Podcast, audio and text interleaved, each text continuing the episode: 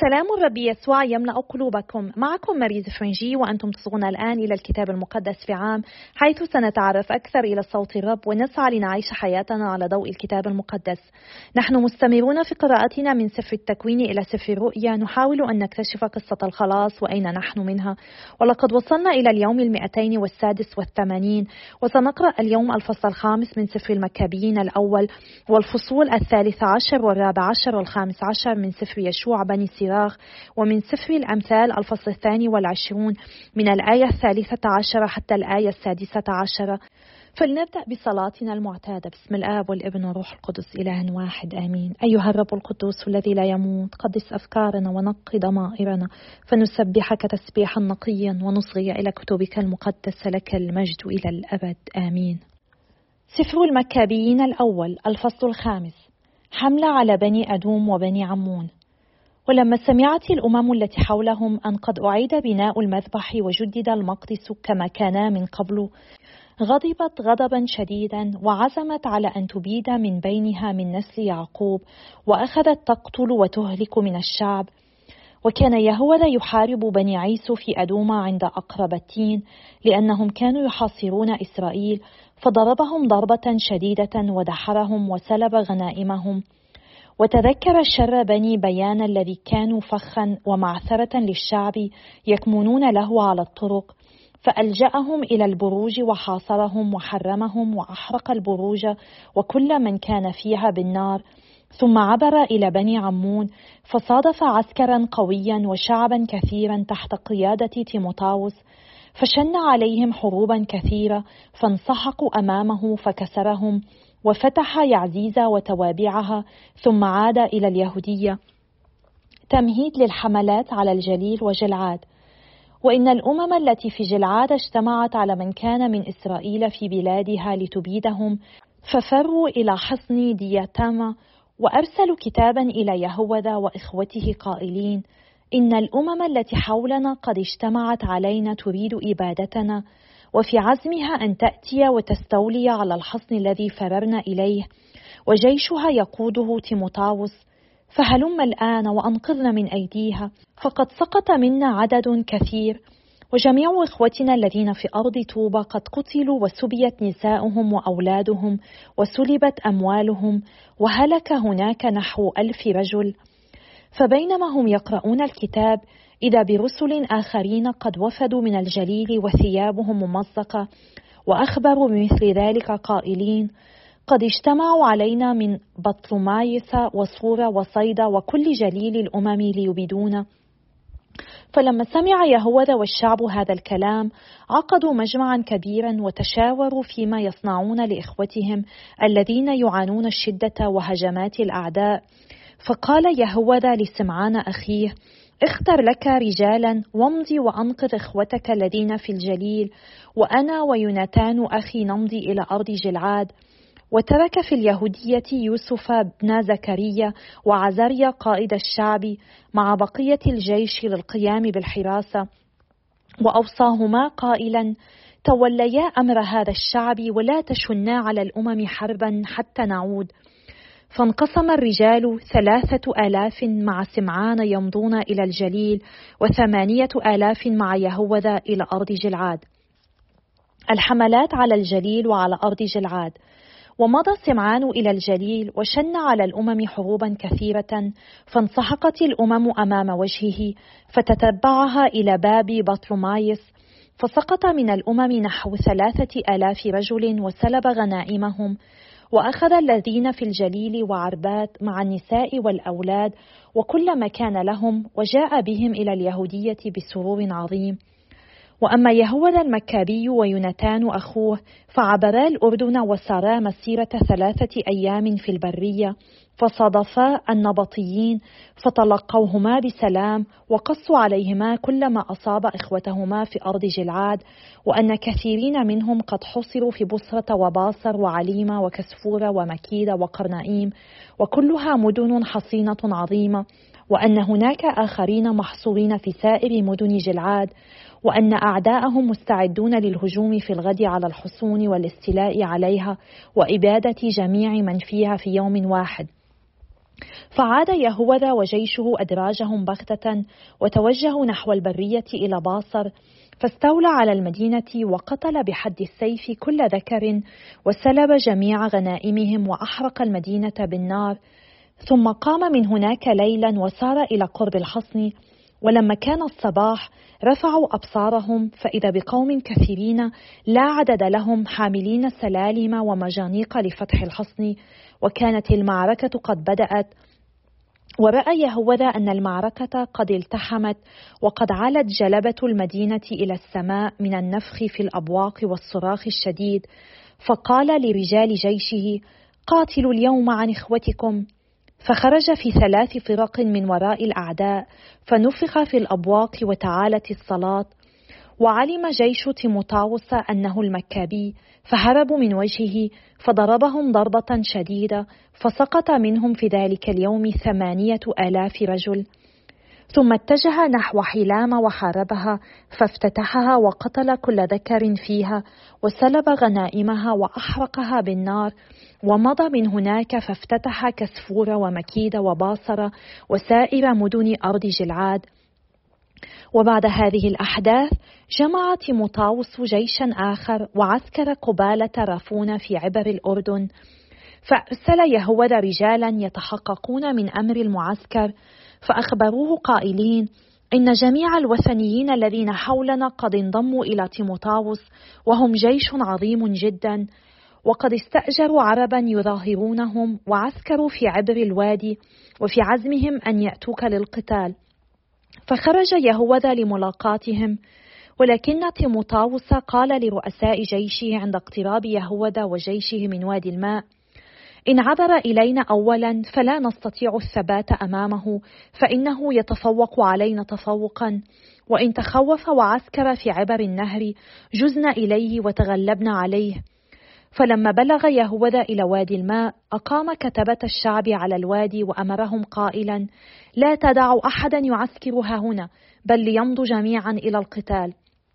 وعبر وهو في المقدمة وكل الشعب وراءه فانسحق أمامه جميع الوثنيين وألقوا سلاحهم وفروا إلى معبد قرنائيم.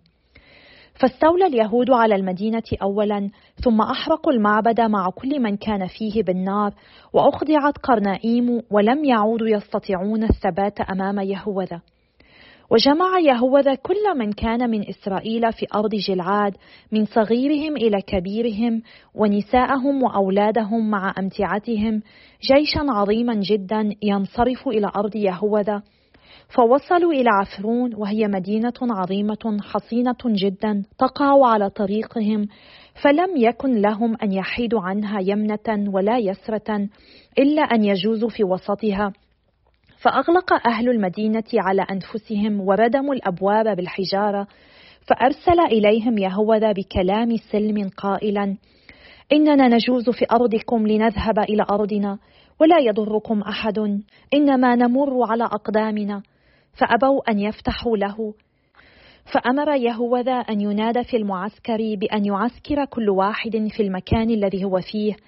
فعسكر رجال البأس وهاجم يهوذا المدينة كل ذلك اليوم وليلته كلها فأسلمت المدينة إلى يديه فأهلك كل ذكر بحد السيف ودمر المدينة من أساسها وسلب غنائمها واجتاز في المدينة من فوق القتلى ثم عبروا الأردن إلى السهل الكبير قبالة بيت شان وكان يهوذا يجمع المتخلفين ويشجع الشعب طول الطريق حتى وصلوا إلى أرض يهوذا.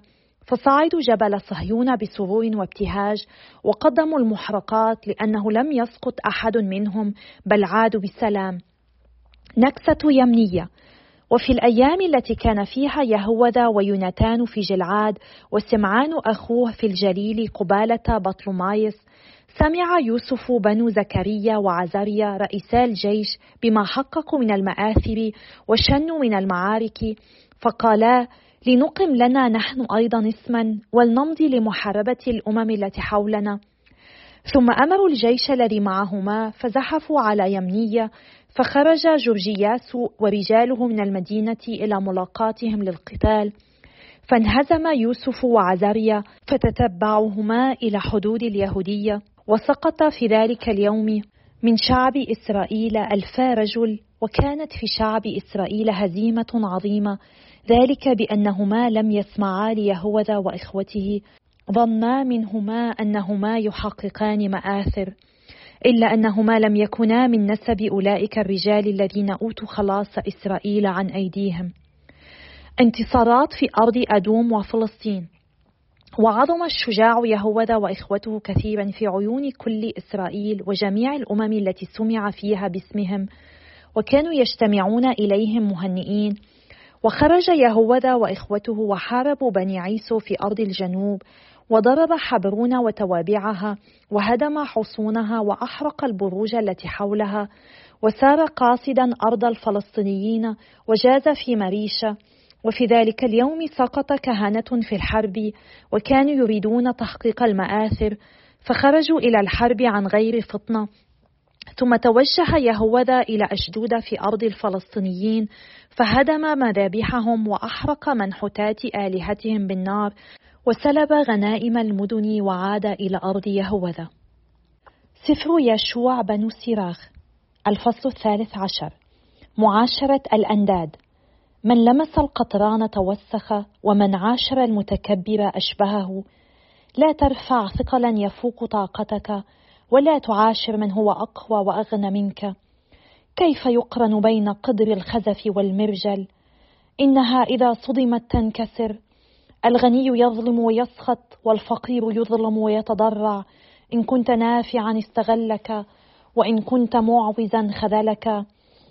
إن كان لك مال عاشرك واستنفد مالك وهو ناعم البال. إن كانت له بك حاجة غرك وتبسم إليك وأملك. وكلمك بالخير فقال ما حاجتك؟ يخجلك في مآدبه حتى يستنفد مالك في مرتين أو ثلاث وأخيرا يستهزئ بك ويراك بعد ذلك فيخذلك ويهز رأسه في شأنك. احذر أن تغتر وتذل في غبائك. إذا دعاك مقتدر فتوارى فيزداد دعوة لك. لا تقتحم لئلا تطرد ولا تقف بعيدا لئلا تنسى. لا تقدم على محادثته كالند للند ولا تثق بأحاديثه الطويلة فإنه بكثرة كلامه يختبرك وبتبسمه إليك يفحصك. إنه بلا رحمة ذلك الذي لا يمسك كلامه ولا يوفر عليك الضربات ولا القيود. أحذر وتنبه فإنك تمشي على شفا السقوط كل كائن حي يحب ابن جنسه وكل إنسان يحب قريبه. كل ذي جسد يقترن بحسب جنسه والرجل يلازم ابن جنسه. أي شركة بين الذئب والحمل؟ ذلك شأن الخاطئ مع التقي. أي سلام بين الضبع والكلب؟ وأي سلام بين الغني والفقير؟ حمير الوحش في البرية صيد الأسود وكذلك الفقراء هم راعي الأغنياء. التواضع قبيحة عند المتكبر وهكذا الفقير قبيحة عند الغني. الغني إذا ترنح يسنده أصدقاؤه والمسكين إذا سقط فأصدقاؤه ينبذونه.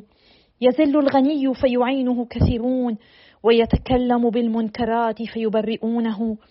يزل المسكين فيوبخونه ويتكلم كلاما معقولا فلا يفسح في المكان له.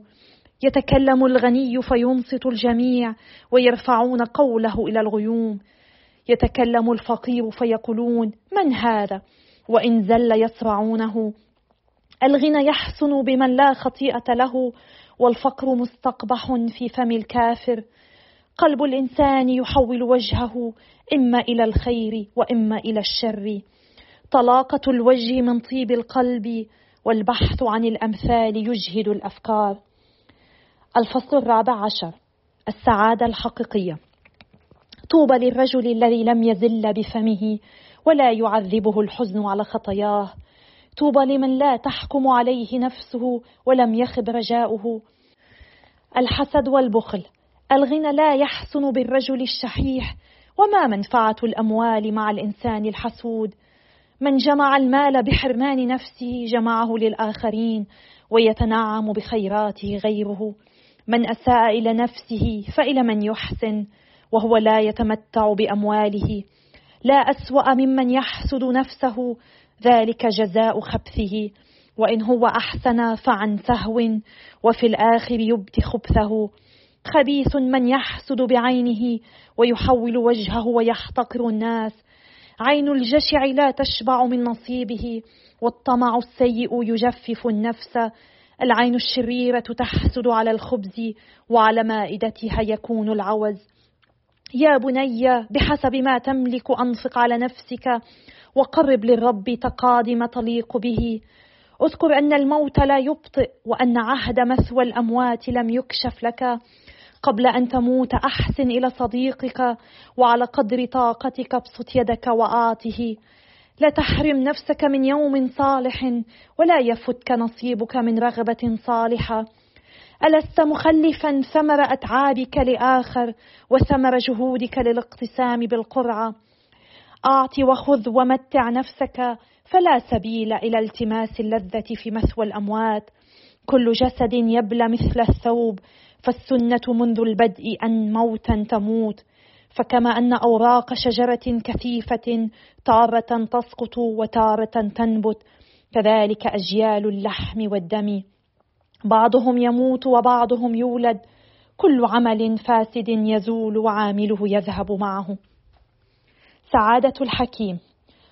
طوبى للرجل الذي يتأمل في الحكمة ويفكر بعقله ويتأمل في طرقها في قلبه ويمعن النظر في أسرارها يسعى وراءها كالصياد ويترصد آثارها ويتطلع من كواتها ويتسمع عند أبوابها ويقيم بقرب بيتها ويضرب وتدا في أسوارها وينصب خيمته بجانبها ويقيم بمقام السعادة يجعل أولاده في كنفها ويسكن تحت أغصانها يستتر بظلها من الحر وفي مجدها يقيم. الفصل الخامس عشر.